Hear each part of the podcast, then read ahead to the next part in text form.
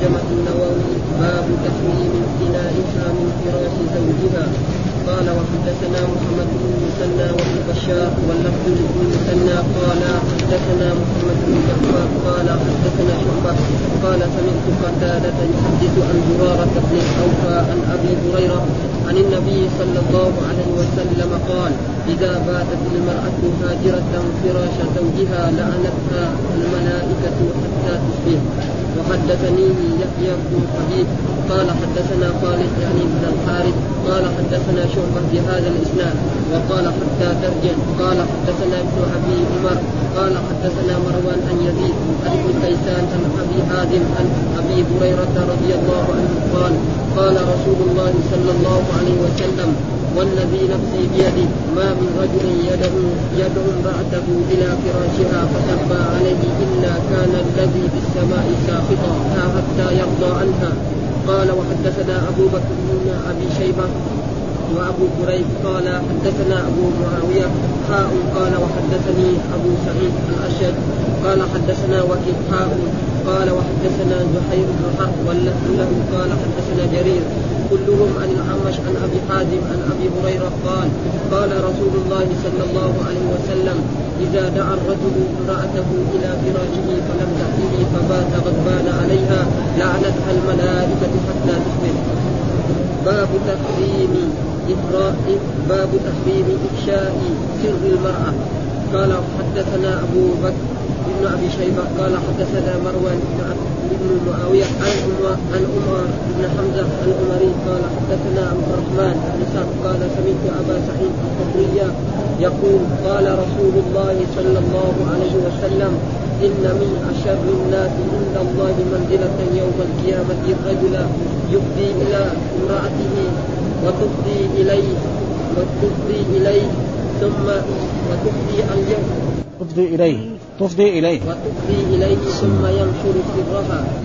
قال وحدثنا محمد بن عبد الله بن نمير قال وأبو هريرة قال حدثنا أبو أسامة عن عمر بن حمزة عن عبد الرحمن بن سعد قال سمعت أبا سعيد الخدري يقول قال رسول الله صلى الله عليه وسلم إن من أعظم الأمانة عند الله يوم القيامة الرجل يفضي إلى امرأته وتفضي إليه.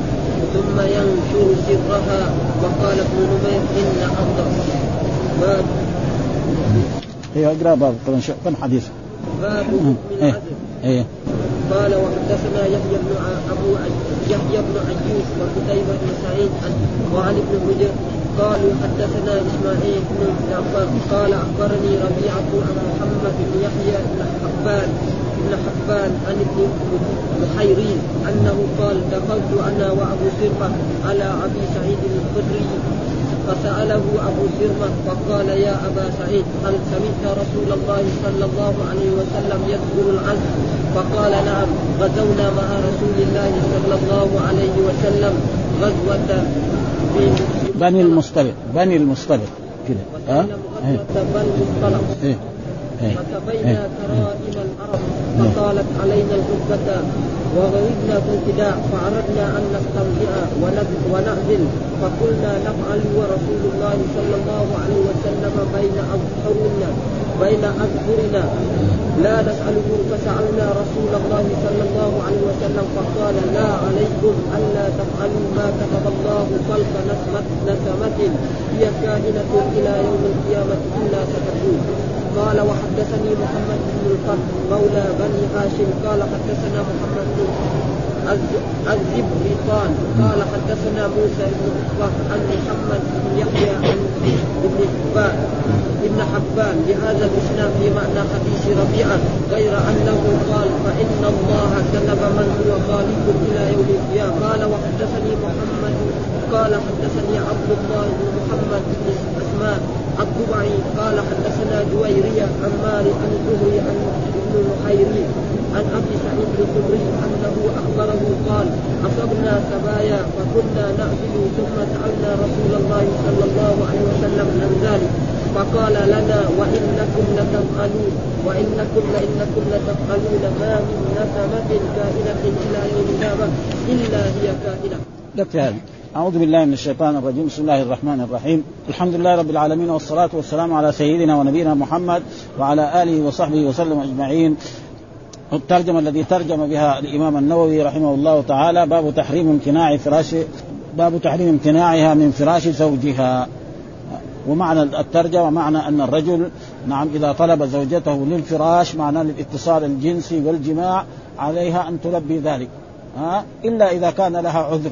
وهذا العذر يكون مثلا تكون حائض. حتى لو كانت حائض ما تقول له أبدا ها؟ له أن يباشرها.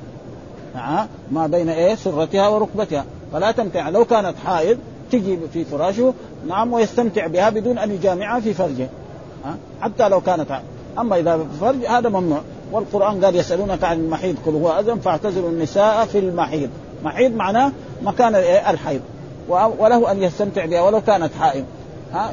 ابدا ليس لها أن تمتنع. فإذا قال لها تعالي يا فلانة نعم إلى الفراش في أي وقت ليلا أو نهارا.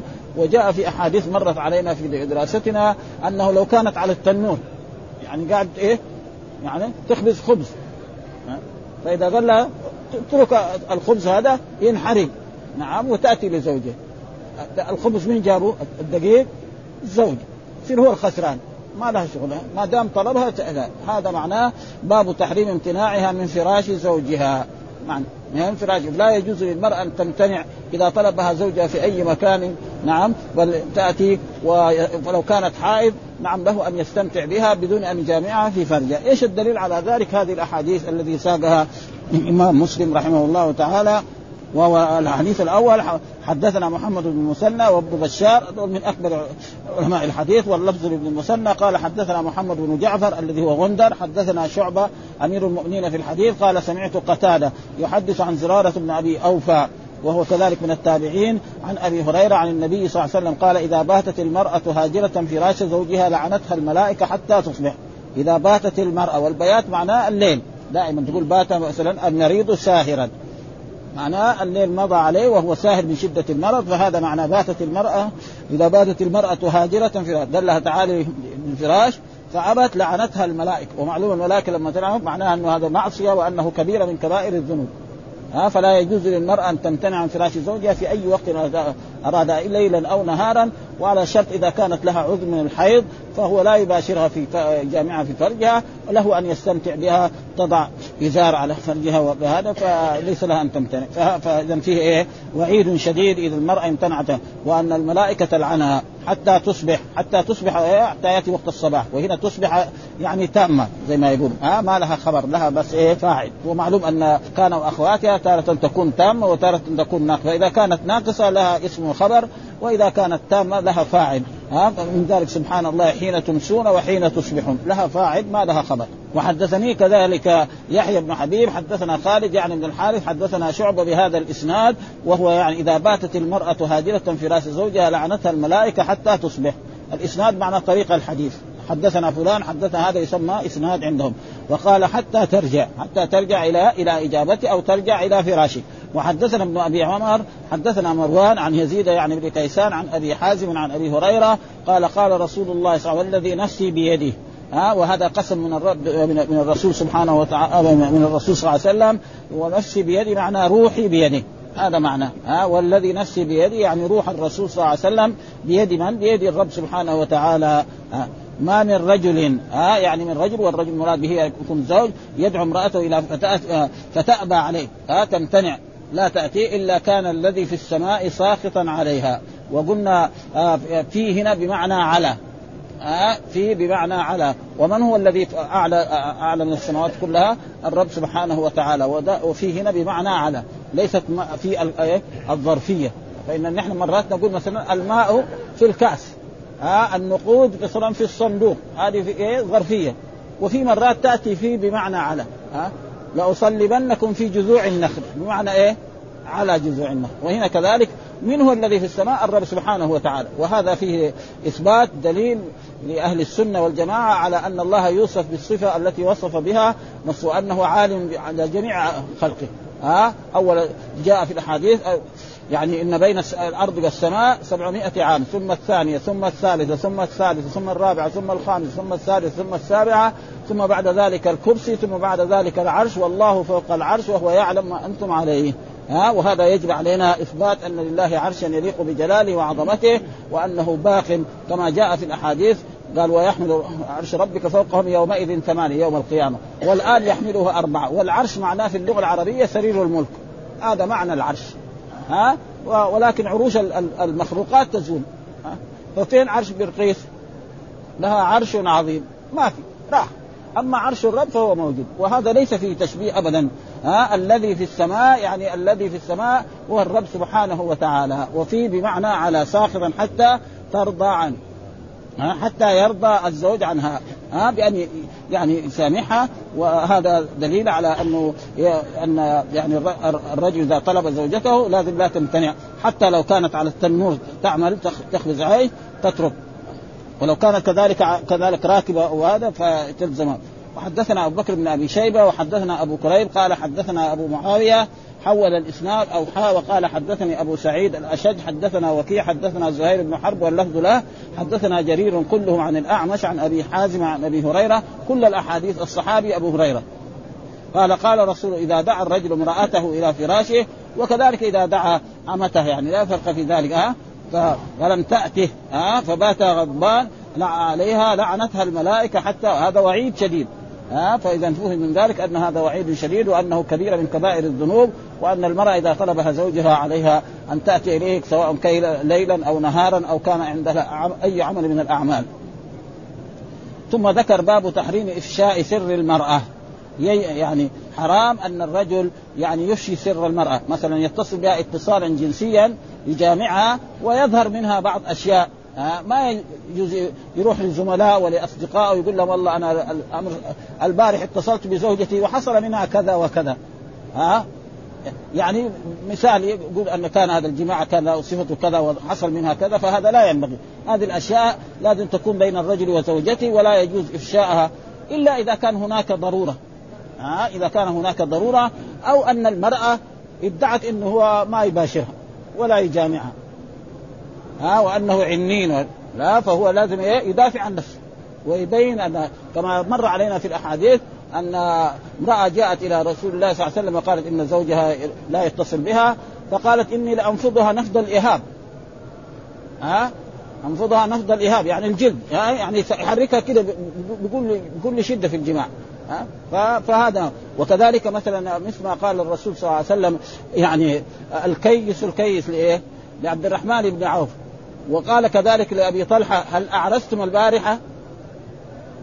فإذا ما في حاجة ما يبين، فإذا في حاجة يبين، الرسول قال قال لأبي طلحة لما يعني زوجته يعني كان له طفل والطفل مريض فذهب نعم لغرض من الأغراض ثم رجع قال لها كيف قال سكن الطفل فسكن يعني معناه يعني شوية تحسنت حالته الصحية. فهو قامت قدمت له العشاء فأكل. ثم بعد ذلك تجملت له اتصل بها اتصالا جنسيا وجامعها ثم بعد ذلك في الصباح لما بده يخرج قالت له دحين انت واحد يعني اودعك أمانة ها ثم بعد ذلك طلبها تعطي له هي ولا ده؟ هل كيف؟ قال إذا احتسب ولدك أي. ولدك مين أعطاك هو؟ الرب سبحانه واخذه فعله يعني كذا تساوي معه فأخبر الرسول صلى الله عليه وسلم إنه كذا كذا فقال له ها الرسول يعني دعا له ها؟ وقال له هل اعرستم البارحة؟ قال نعم. فدعا له الرسول بالبركة. يقول التابعي وجد بعد ذلك عشرة من أولاد هذا الولد كلهم حفظوا القرآن. ومعلوم الذي يحفظ القرآن ها؟ قديما وحديثا. إن شاء الله فيه الخير والبركة. ها؟ فلذلك إذا في ضرورة يبين. ما في ضرورة ما ما يجوز للرجل يعني يتصل بزوجته أو يجامعها ثم يقول والله حصل منها كذا.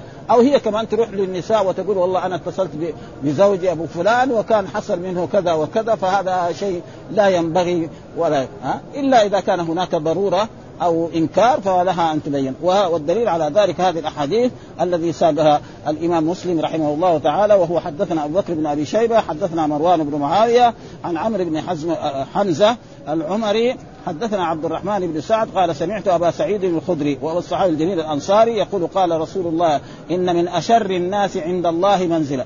وهنا في اللغة العربية دائما شر ما يقال شر. وخير. ما يقال أشر ولكن هذا ثابت. فإذا كان الرسول خلاص ما يحتاج. ها يعني جائز. ولذلك فمن يعمل مثقال ذرة خيرا يرى. ما قال خيرا يرى. ومن يعمل مثقال ذرة شرا يرى. ما قال شرا. يعني هذا هذا الفصيح. ودائما كذا في القرآن وفي السنة وفي الأحاديث. لكن هنا جاء في هذا الحديث أشر. ها؟ فهذا يعني على كل حال لغة من اللغات جائز. من أشر الناس منزلة يوم القيامة الرجل يفضي إلى امرأته. إيش معنى يفضي معناه يجامعها. ها؟ يتصل بها اتصالا جنسي هذا هو يفضي وتفضي إليه وهو كذلك يعني تفضي إليه. نعم؟ ثم ينشر سرها. أو ثم هي تنشر سر إيه؟ زوجها. فتروح للنساء أو هو يروح للرجال ويقول أنا حصل مني اتصال لزوجتي وحصل منها كذا وكذا وأنا وهذا فهذا لا ينبغي لأنه هذا أشياء يعني تكون سرا بين الرجل وزوجته. لا يجوز أن يطلع عليها. فلا لا يطلع عليها لا امه ولا ابوه ولا أي إنسان منها فإذا كان هناك ضرورة له أن يبين ذلك وإذا لم يكن هناك ضرورة فليس في ذلك حاجة. مثل ما حصل أن الرجل لما أنكرت إنه يتصل بها قالت إني لأنفضها نفض الإيهاب. أنفضها نفض الإيهاب. معناه يتصل بها اتصالا جنسيا ويحركها تحريكة شديدة في الجماع. ها فهي أنكرت وقال كمان الرسول لأبي طلحة هل اعرستم البارحة؟ اعرستم معناه إيه؟ معناه إنه جامعت زوجتك قال نعم ما في شيء فإذا كان هناك شيء من هذا هذا ها قال قال القاضي هكذا وقعت الرواية أشر بالألف واهل النحو النحو يقولون لا يجوز أشر وخير وإنما يقال هو خير ومنه شر. قال وقد جاءت الأحاديث الصحيحة باللغتين جميعا وهي حجة في جوازهما جميعا خصوصا إذا كان الرسول قال هذا اللفظ خلاص انتهى يعني الرسول أفصح العرب وأفصح الدنيا كلها. ها؟ وأنهم وفي الحديث تحريم إفشاء الرجل ما يجري بينه وبين امراته من أمور الاستمتاع ووصف تفاصيل ذلك وما يجري من المرأة فيه من قول أو فعل ونحوه. فأما مجرد ذكر الجماعه فإن لم تكن فيه فائدة ولا إليه حاجة فمكروه. لأنه خلاف المروءه قال من كان يؤمن بالله واليوم الآخر فليقل خيرا أو ليصمت. يقول خير أو هذا ما له ما في فائدة في قول للناس أو هذا حدث به وإن كان لذلك حاجة أو يترتب عليه فائدة بأن ينكر عليه اعراض ينكر عليه إعراضه عنها. يعني هي تقول هذا الزوج ما يجي معايا ولا يفعل معي أي شيء أو تدعي عليه العجز أنه لا يتصل بها وأنه عنين أو غير ذلك فعليه نعم عن الجماع. أو نحن فلا كراهة في ذكره كما قال صلى الله عليه وسلم إني لافعله أنا وهذه. يعني الرسول يقول إيه أنا أفعل هذا وإيه؟ وعائشة. وقال صلى الله عليه وسلم لأبي طلحة أعرستم الليلة. وقال لجابر الكيس الكيس. والله أعلم. ثم ذكر باب حكم العزل. معنى العزل إيه؟ العزل معناه أن الرجل يجامع زوجته أو أمته وعندما يريد أن ينزل المني يخرج فرجه من فرجها ثم يصب المني في خارج الفرج. عشان لا تحمل ها؟ أو أمته. ها؟ يكون عنده أمة وما يبغاها تحمل فيقوم إيه؟ يفعل هذا عشان بكرة لو لو لو, لو حملت وبعدين ولدت أي شيء سواء كان حيا أو ميتا صارت أم ولد ما تنباع. ها؟ أو المرأة كذلك ما يبغى إيش؟ أولاد كثير أو غير ذلك فلذلك هذا معنى. فإيش حكمه؟ ها؟ أصح الأقوال أنه إذا كانت الزوجة رضيت فجاء يعني يمكن. ها, ها؟ وأما الأمة والأمة كذلك إذا كان يعني يخشى عليها من هذا فالظاهر أنه كذلك يجوز الأمة عشان إيه؟ لا تحمل لأنه له مصلحة في ذلك. لأن إذا حملت بعدين ما يقدر يبيعها. وأما الحرة لازم بإذنها ها يقول لها أنا أريد أن أعزل منك عشان لغرض كذا. مثلا تكون هي دائما في بعض النساء بعد ما تلد بعد شهر من ولادتها تحمل ثاني مرة. فهذا فيه ضرر على على الرجل وعلى المرأة. فله مثل هذا يعزل. ها أنا. وهذا معنى العزل. أن يجامع الرجل زوجته حتى إذا أراد أن ينزل المني أخرج فرجه من فرجها وصب المني في خارج الفرج. هذا تقريبا يسمى العزل. إيش حكمه؟ فحكمه يعني تقريبا الذي يفهم من النصوص أنه مكروه. ها لأن الرسول ما قال لا تفعل. ها قال لما؟ لو قال لا تفعل خلاص كان حرام يصير. لكن قال لما؟ فلما قال لما فمعناه يفهم من ذلك أنه مكروه. ها فإذا رضيت المرأة الزوجة فلا بأس بذلك. هذا معناه العزل هو أن يجامع. فإذا قارب الإنزال نزع وأنزل خارج الفرج وهو مكروه عندنا. ها هذا كلام إيه؟ مذهب الإمام الشافعي لأن النووي في كل حال وكل امرأة سواء رضيت أم لا لأنه طريق إلى قطع النسل ها والرسول قال إيه؟ يعني تزوج الودود. الودود فاني مكافر بكم الأمم. ولهذا جاء الحديث آخر تسميته الوعد الخفي. ها؟ وجاء في القرآن وإذا الموءودة سئلت. لأنه قطع طريق الولادة كما يقتل المولود بالوعد. وأما التحريم فقال أصحابنا لا يحرم في مملوكته ولا في زوجته الأمة. المملوكة لا يحرم. وفي زوجته الأمة لأن زوجته الأمة بعد ذلك إذا جامعها وحملت يصير أولاده عبيد. هذا ضرر عليه. نعم. ها؟ وكذلك مملوكته. كذلك لأن المملوكة إذا إذا حملت بعد ذلك ولدت إيش يصير؟ يصير إيه؟ أم ولد ما يقدر يبيعها. أما إذا ما حملت وجامعها سنين إن شاء الله عشر سنوات. ثم بعد ذلك يروح يبيعها. فالأمة والمملوكة هذا يكون إيه؟ يعني له يجوز. ها؟ لأنه لأنه في له مصلحة. ها؟ سواء رضي لأنه إضرار عليه في مملوكتها بمصيرها أم ولد وامتناع بيعها وعليه ضرر في زوجته الرقيقة بمصير ولدها رقيقا تبعا لأمه. وأما زوجته الحرة فإن أذنت فيه لم يحرم. إذا أذنت قال لا أنا أريد أن أعزل عنك عشان كذا لغرض أغراض هذا. ها وإلا فوجهان أصحهما لا يحرم. فاذا إيه حكم العزل؟ يعني تقريبا في في الحرة يعني يكون إيه مكروه. هذا ما إيه يظهر من إيه من النصوص. والأدلة على ذلك هذه الأحاديث الذي ساقها الإمام مسلم رحمه الله تعالى. قال حدثنا يحيى بن أيوب وقتيبة بن سعيد وعلي بن حجر. قال وحدثنا إسماعيل بن جعفر قال أخبرنا ربيعة أخبرني ربيعة عن محمد بن يحيى بن حبان عن ابن محيرز أنه قال دخلت أنا وأبو صرمة على أبي سعيد الخدري فسأله أبو صرمة فقال يا أبا سعيد وهو أبا سعيد الخدري الأنصاري هل سمعت رسول الله صلى الله عليه وسلم يذكر العزل ها ومعنى العزم معروف إيه، إيه، أن يخرج فرجه قبل فقال نعم غزونا مع رسول الله صلى الله عليه وسلم الغزوات غزوة بني المصطلق. وبني المصطلق أو بني المصطلق كذا بني المصطلق. وإذا أكثر الكتب كان يكتب بني المصطلق. فسبينا كرائم العرب. يعني بني المصطلق ناس عرب من خزاعة. ها يعني هم إيه من خزاعة. فلما الرسول وزعهم. مثلا انت خذ هذه انت خذ هذه لأنه إيه؟ كفار ومشركين. فكل واحد أخذ وهؤلاء والرجل لما يجلس بعد المدة مثلا مدة شهر أو مدة 20 يوم ما يجامع يشق عليه خصوصا الشباب وخصوصا الناس الأقوياء. فحصل إيه؟ يعني آه، سبينا وهذا فيه دليل على أنه أن السبي والرق يكون في إيه؟ في كل كافر سواء كان يعني مشركا وسواء كان يهوديا أو نصرانيا. نصراني هذا لأن القرآن جاء مثلا يعني في, في قوله حتى يعطوا الجزية عن يد حتى يعطوا. فقالوا إيه؟ أن العرب لا يرق. يعني إذا قاتل المسلمون المشركين العرب يطلب منهم شيئين إما الإسلام وإما القتال. ما في الجزية. ها؟ ولا يسوى. والصحيح انه وهذه أحاديث يعني صحيحة فإذا حتى العرب فإذا قاتل المسلمون آه، المشركين سواء كانوا عربا أو يهود أو نصارى فسبوهم فلهم أن يسبوهم ويتصرف فيكونوا ارقاء ولهم أن يبيعهم. لا لا هذا قال فهذا دليل من السنة يعني. فسبينا كرائم العرب لأنهم بني مصطلق وهم إيه من خزاعة وخزاعة من فطالت علينا العزبة يعني جلسنا مدة يمكن هذه الغزوة استمرت شهر أو شهرين أو عشرين يوم أو كذا والرجال يختلف في رجل ما يستطيع أن يعني يوميا لازم يجامع ويتصل. ها؟ وفي رجال آخرين بغير ذلك. ها؟ ورغبنا في الفداء. رغبنا انه يجوا أهل هؤلاء الإماء ويسلمون مبلغ من المال ونعطيهم مثلا يأخذ بنته أو أمته أو أخته أو خالته أو غير ذلك ها أو جدته ها أن نسمع أن نستمتع ونعزل. نستمتع أن نتصل بهؤلاء السبايا و... فقلنا نفعل ورسول الله صلى الله عليه وسلم بين أظهرنا. حاضر؟ يعني ما يصح ها؟ الرسول موجود بيننا أظهرنا ونحفل شيء. وما نسأل رسول الله صلى الله عليه وسلم الذي هو يبلغ كل شيء ويعلم كل شيء من إيه من الاحكام الشرعية. فسألنا رسول فقال لا عليكم. ها؟ لا عليكم الا تفعلوا. يعني ما قال لهم كان لو كان حرام يقول لهم لا تفعلوا. ما قال لهم لا عليكم ها؟ الا تفعلوا ها؟ ثم بين ما كتب الله خلق نسمة إلا وهي الله قدر في اللوح المحفوظ أنك تجيب ولد تجيب ولد. تجيب ولدين عشرة خمسين تجيبهم.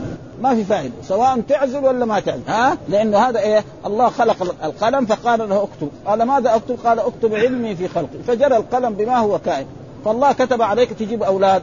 خمسة ستة سبعة عشرين ثلاثين تجيب لابد تجيبهم. سواء عزلت أو لم تعزل. آه فهذا معناه ما كتب الله خلق نسمة يعني آه وهي كائنة إلا ستكون. ها لأن الله قدر كل شيء وقال أول ما خلق القلم قال له اكتب قال ماذا اكتب؟ قال اكتب علمي في خلقي. فجرى القلم ما هو كائن إلى يوم القيامة ولا يمكن أن يحصل غير هذا. وهذا فيه دليل على أن العرب كذلك يسبون ويرقون. خلافا لبعض أهل العلم أن العرب لا يرقون ولا والصحيح أنهم يرقون لا فرق بينهم وبين اليهود والدليل على ذلك هذا الحديث. فإن هؤلاء العرب بني المصطلق عرب قح ومع ذلك يعني سبوهم والرسول وزعهم على أصحابه وأرادوا أن يتصلوا بهم ثم بعد ذلك لا يعني يجا كل واحد يجامع أمته هذه ثم يعزل منها عشان بعد ذلك يقبل يجي أهلها فيقبل منهم الفداء عشرة أو عشرين من الإبل أو من الذهب أو من الفضة وهذا. فرسول الله صلى الله عليه وسلم قال لا عليكم. ومعنى لا عليكم يعني سواء فعلتم أو لم تفعلوا فإذا قدر الله لك الولد وسيأتي حديث بعد ذلك أن رجلا جاء إلى النبي صلى الله عليه وسلم وقال يا رسول الله أنا عندي امرأة وأريد أن يعني أتصل بها وأستمتع بها لكن ما أريد أن تحمل. فقال له الرسول افعل. ثم بعد ذلك جاء للرسول وقال له يا رسول الله آه، الجارية هذه حملت. خلاص إذا قدر لها ثم مو لازم إنه يعني لو أراد الله شيء يخلق ولو شيء بسيط. شيء من المني دخل في في في, في رحمها خلاص. ها فلا فائده فهذا فسألناه فرسول الله فقال لا عليكم. ما كتب الله خلق نسبة وهي كائنة إلى يوم القيامة إلا ستكون. ها؟ سواء عزلت أو لم تعزل فإن الله إذا قدر ان يكون لها فلا بد أن يكون هذا بغير شك. والحديث الثاني كذلك حدثنا محمد بن الفرج مولى بني هاشم حدثنا محمد بن الزبرقان حدثنا موسى بن عقبة عن محمد بن يحيى بن حبان. بهذا الإسناد مثل الحديث الأول أنه سالوا الرسول صلى الله عليه وسلم وقال لا عليكم ألا تفعلوا ما من نسمة منفوسة إلا وهي يعني أن تخرج ما كتب الله خلق نسبة وهي كائنة إلى قومها إلا ستكون. آه مثل الحديث الأول. يعني السند واحد و و ومثل الحديث هو المثل الأول. قال فإن الله كتب من هو خالق إلى يوم القيامة لأن الله خلق أول ما خلق بعد ما خلق العرش واستوى عليه خلق القلم. قال له اكتب. نعم. هذا فكتب ما هو كائن إلى يوم القيامة. وجاء في الأحاديث ما أصابك لم يكن ليخطئك وما أخطأك لم يكن لشيء. فإذا قدر الله على إنسان يصيب شيء لابد يصيب. مهما فعل. ما يقدر إيه؟ أبدا. فإذا قدر الله له يكون الولد لابد سواء عزل أو لم يعزل. فإذا إيش فهم من ذلك؟ أن العزل إيه؟ يعني ما هو حرام على كل حال ولكن إذا شاء الله ذلك لابد أن يكون. وحدثنا عبد الله بن محمد وأسماء الضبعي حدثنا جويري عن مالك عن الزهري عن ابن محيرز. عن أبي سعيد الخدري. كل الصحابي في كل الأحاديث تقريبا سعيد. بعدين جاء أحاديث أبي هريرة. وهذا من ترتيب إيه الإمام مسلم. الآن كل الأحاديث أبي سعيد الصحابي. ومشايخ المسلم الإمام مسلم وتغيره وبعد ذلك يأتي بأحاديث عن أبي هريرة في هذا الموضوع نفسه. أنه أخبر قال أصبنا سبيا سبايا. ها أصبنا سبيا. يعني إيه من وكنا نعزل. يعني قبل أن نسأل الرسول نعزل. إيش معناه نعزل؟ يجامع الرجل ثم بعد ذلك يخرج فرجها فيصب المني في خارجها ثم سألنا رسول الله صلى الله عليه وسلم فقال ذلك؟ فقال لنا وإنكم لتفعلون وإنكم لتفعلون وإنكم لتفعلون ها؟ يعني هذا في إنكار. ها؟ ها؟ إنكار يعني ها؟ وإنكم لتفعلون هذا؟ إنكم لتفعلون اكد بإن وبالخبر في اللام. إنكم لتفعلون إنكم لتفعلون ما من نسمة كائنة إلى يوم القيامة إلا هي كائن يعني الله كتب في اللوح المحفوظ انه يصير لك ولد سواء عزلت أو لم تعزل إذا قدر الله ذلك لا بد أن يكون. ها؟ فسواء فعلت كذا أو لم تفعل كل لا هذا. فإذا فهم من ذلك أنه مكروه ليس بحرام. لأنه لو كان حرام يقول لا تفعل. هذا الآيات ها؟ ولا تقف ما ليس لك به ها؟ لا تقربوا الزنا إنه كان فاحشة وساء سبيل. ولا تقتلوا النفس التي حرم. هنا ما قال كذا ها؟ فيفهم من ذلك أنه مكروه. نعم في الحرة إذا إلا إذا رضيت. فإذا رضيت جاز ذلك. وحدثنا نصر بن علي الجهضمي حدثنا بشر بن المفضل حدثنا شعبة عن أنس بن سيرين عن معبد بن سيرين عن أبي سعيد الخدري قال قلت له ها سمعته من أبي سعيد؟ قال نعم عن النبي صلى الله عليه وسلم. يعني أنا سمعت من من أبي سعيد الخدري قال نعم عن النبي قال لا عليكم ألا تفعلوا فإنما هو القدر. اذا قدر لابد أن يحصل. ها؟ ومعلوم أن القدر الشيء الذي قدره الله لابد أن يتم لا يمكن أن يحول بينه. ها؟ وحدثنا محمد بن المثنى وابن بشار قال حدثنا محمد بن جعفر حول الإسناد وقال حدثنا يحيى بن حبيب حدثنا خالد يعني بن الحارث وحدثنا محمد بن حاتم حدثنا عبد الرحمن بن مهدي ووهز قالوا جميعا حدثنا شعبة عن أنس بن سيرين بهذا الإسناد غير أن في حديثهم عن النبي قال في العزم لا عليكم ألا تفعلوا ذاكم فإنما هو القدر. هذا. ها فإذا قدر لا بد أن يوجد الولد سواء عزلت أو لم تعزل. أو تريد أن تعزل ولا تستطيع ها لأنه في يعني أكبر لذة في الجماع هو عند نزول المني. ها معروف هذا. فإذا أراد الله ما ما يقدر يتحرك ابدا. ينزل المني في داخل الفرد فتحمل. أو ينزل جزء منه خلاص. حتى الجزء منه نعم ينشئ الولد ويتصور في هذا وقال شعبة قلت له سمعته من أبي سعيد؟ قال نعم. ها التابعي سأل. ها هذا؟ قال له قال له من سعيد. أبو سعيد الخدري من الأنصار ومن كبار أصحاب رسول الله صلى الله عليه وسلم.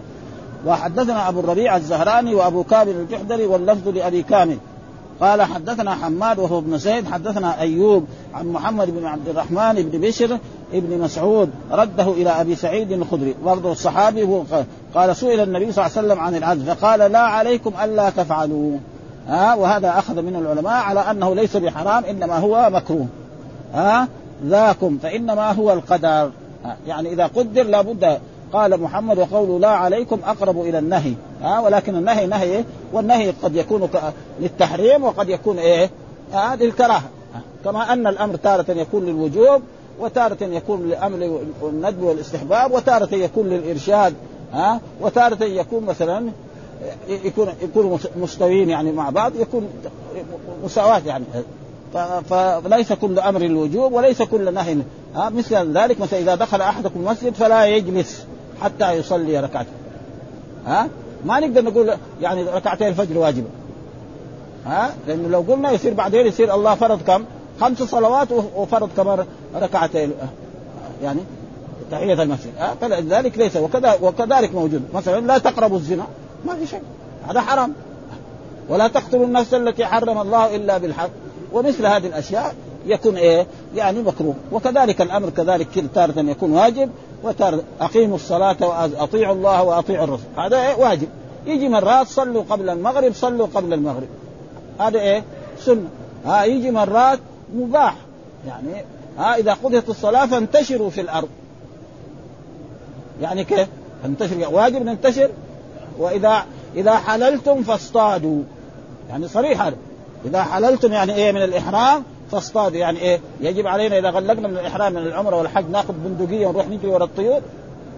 ما معناه مباح. يبغى واحد يتفضل يخرج من مكة من حدود مكة ويصل ما في شيء.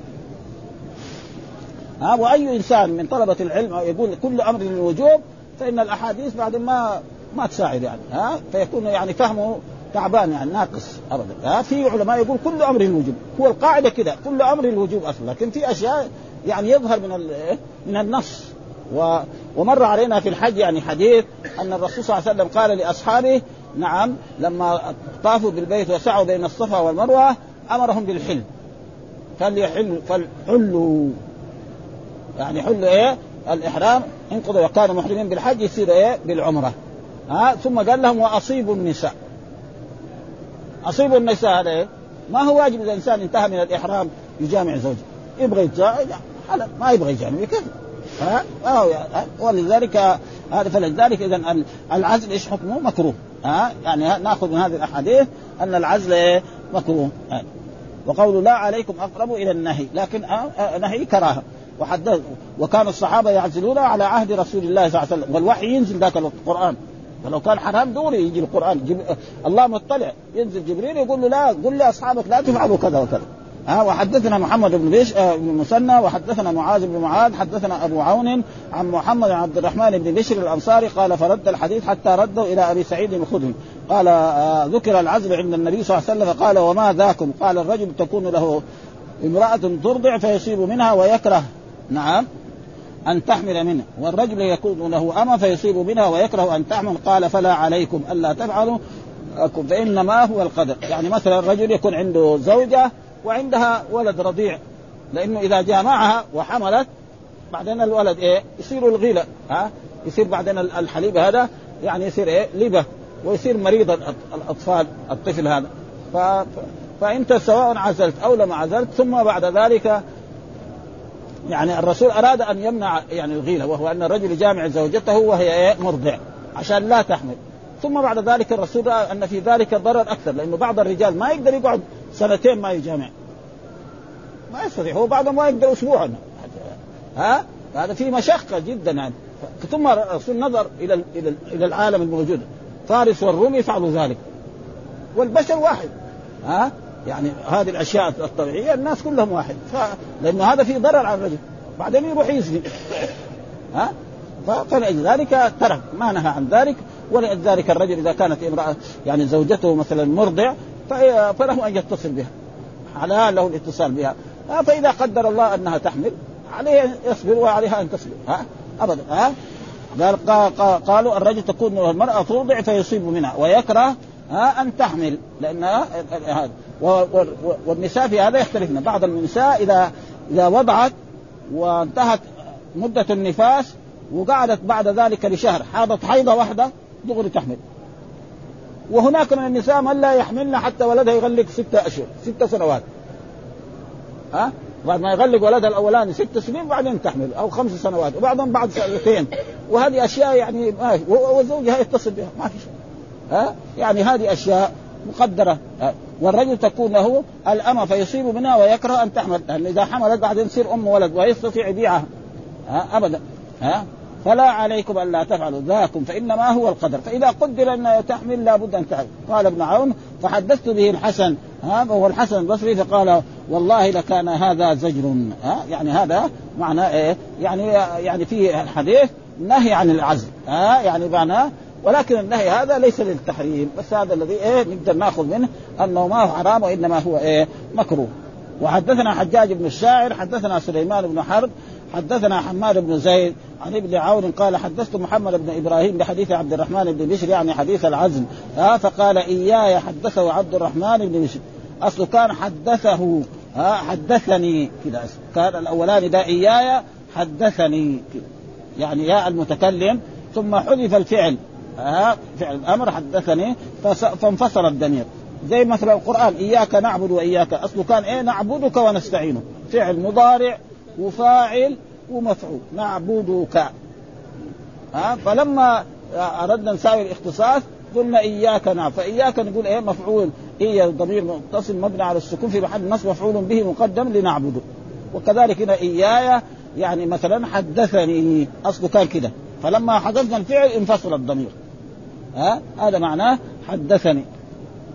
إياي حدثه عبد الرحمن.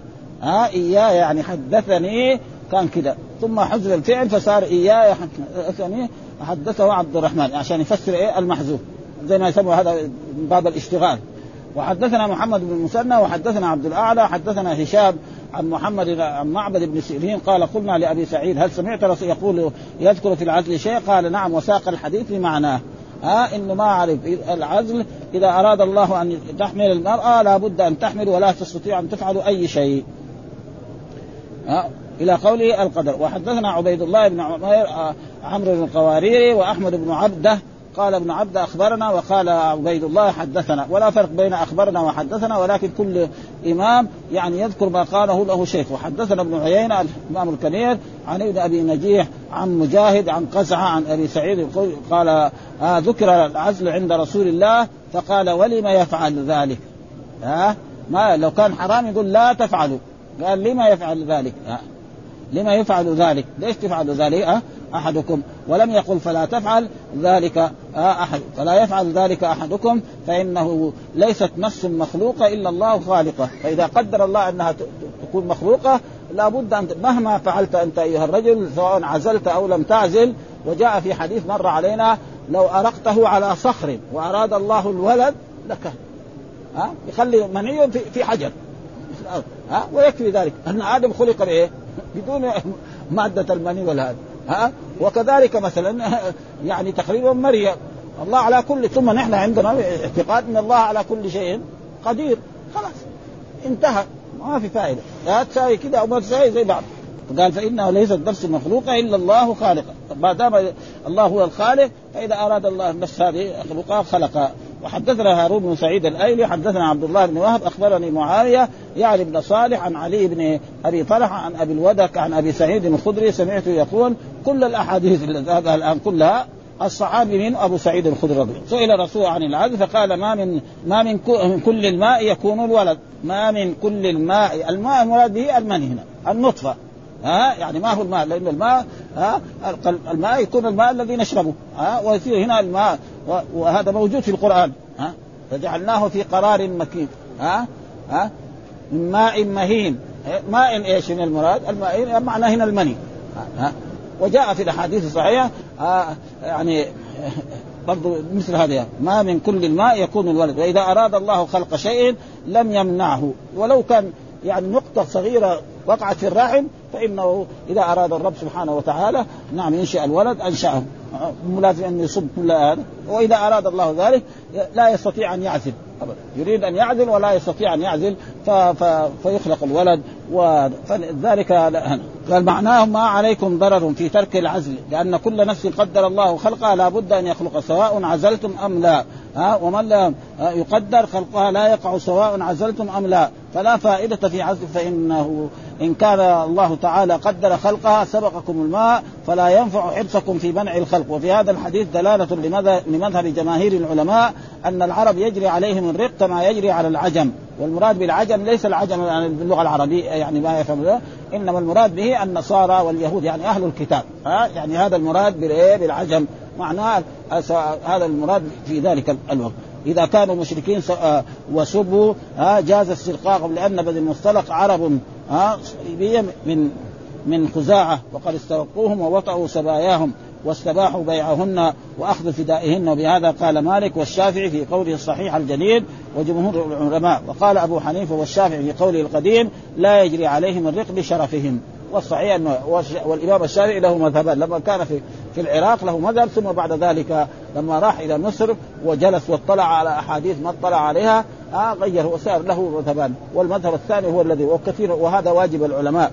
يعني مثلا يفتي بشيء اليوم ثم بعد ذلك يظهر له خلاف ذلك فيقول آه أن الأول ده ليس بصواب لأن الأحاديث الصحيحة هذا. آه ولا يقول خلاص آه عنز ولو طارت زي ما يقولوا في المثل. ما يصير. آه. وهذا كل العلماء يعني فضلاء علماء السنة يعني لا حتى يستطيع يقول إيه أن كنت قررت الشيء الفلاني وغلطت فيه. ولا في شيء ها؟ ابدا ها؟ وجاء في الأحاديث الصحيحة أن العلم ثلاث آية محكمة وسنة متبعة ولا أدري ولا يخاف العالم من كلمة لا أدري. وهذا برضه قال قوله إن لي جارية. نحن ما قرأنا هذا. وهذا الحديث حدثنا سعيد بن عمرو الأشعثي حدثنا سفيان بن عيينة عن سعيد بن حسان عن عروة بن عياض عن جابر بن عبد الله. دحين إيه؟ جابر بن عبد الله الصحابي تغير. ها يعني الإمام النسائي الآن رواية مشايخه الصحابي جابر بن عبد الله الأنصاري. قال سأل رجل النبي صلى الله عليه وسلم فقال إن عندي جارية. والجارية هنا معنى الأمة. ومرات يجي جارية معنى الشابة. يعني في اللغة العربية كده. ها؟ تزوج جارية معناها شابة يعني. وهنا جارية معناها أمة. ها؟ وأنا أعزل عنها. ها؟ ما أبغاها تحمل. فقال رسول الله إن ذلك ها؟ لن يمنع شيئا. أراده الله. قال فجاء الرجل فقال يا رسول الله إن الجارية التي كنت ذكرتها لك حملت. ما في ها؟ فقال رسول الله أنا عبد الله ورسوله. ها؟ لأنه صادق. ها؟ إذا أراد الله أن تحمل لابد تحمل. ما في فائده ها؟ قدر الله على قضاء من أول قبل لا تخلق هي ها خمسين ألف سنة موجود هذا فلا بد أن يكون هذا. وحدثنا حجاج بن الشاعر حدثنا أبو أحمد الزبيري حدثنا سعيد بن حسان قاضي أهل مكة أخبرني عروة بن عياض بن عدي بن الخباز نعم النوفلي عن جابر بن عبد الله دحين برضه جابر هذا قال جاء رجل النبي صلى الله عليه وسلم بمعنى حديث سفيان أن له جارية وكان يعزل عنها عشان لا تحمل. ثم بعد ذلك جاء إلى النبي صلى الله عليه وسلم وقال انها حملت فقال الرسول أنا عبد الله ورسوله. ها لأنه إيه؟ صادق. ومعلوم الرسول لابد أن يكون صادق. فهذا دليل على أنه يعني العزل يعني مكروه. وليس بإيه؟ دغري يجي الوحي ويبين لرسول الله صلى الله عليه وسلم ولأصحابه. زاد إسحاق قال سفيان لو كان شيئا ينهى عنه لنهانا عنه القرآن. لكان نزل آية تنهى عن ذلك. وحدثنا أبو غسان المسمى حدثنا معاذ يعني بن هشام حدثني أبي آه عن أبي الزبير عن جابر قال كنا نعزل على عهد رسول الله. ودائما في القاعدة العلمية إذا قال الصحابي كنا نفعل كذا على عهد رسول الله. معنى الرسول اطلع على ذلك يعطى حكم الحديث المرفوع. إذا قال الصحابي من السنة كذا. أو كنا نفعل كذا على عهد رسول الله. كأنه قال إيه؟ أمرنا رسول الله صلى الله عليه وسلم. أو سمعت رسول الله. قاعدة يعني ها؟ دائما إذا قال كذا على عهد رسول الله لأنه معناه عهد رسول الله. الرسول يعني لو ما اطلع يجي الوحي يقول له إن فعل أصحاب كذا وكذا فانههم عن ذلك. أو تنزل آية قرآنية أو حديث نبوي لابد ان كنا نعزل على عهد فبلغ ذلك النبي صلى الله عليه وسلم فلم ينهنا. فإذا فهم من ذلك أن العزل إيه؟ ها يعني على كل حال يعني الرسول رغب في أن لا يفعل. فإذا هو مكروه. ما نقدر نقول حرام لأنه لو كان حرام كان الرسول يقول لا تعزلوا. ها؟ والحمد لله رب العالمين وصلى الله وسلم على نبينا محمد وعلى آله وصحبه وسلم.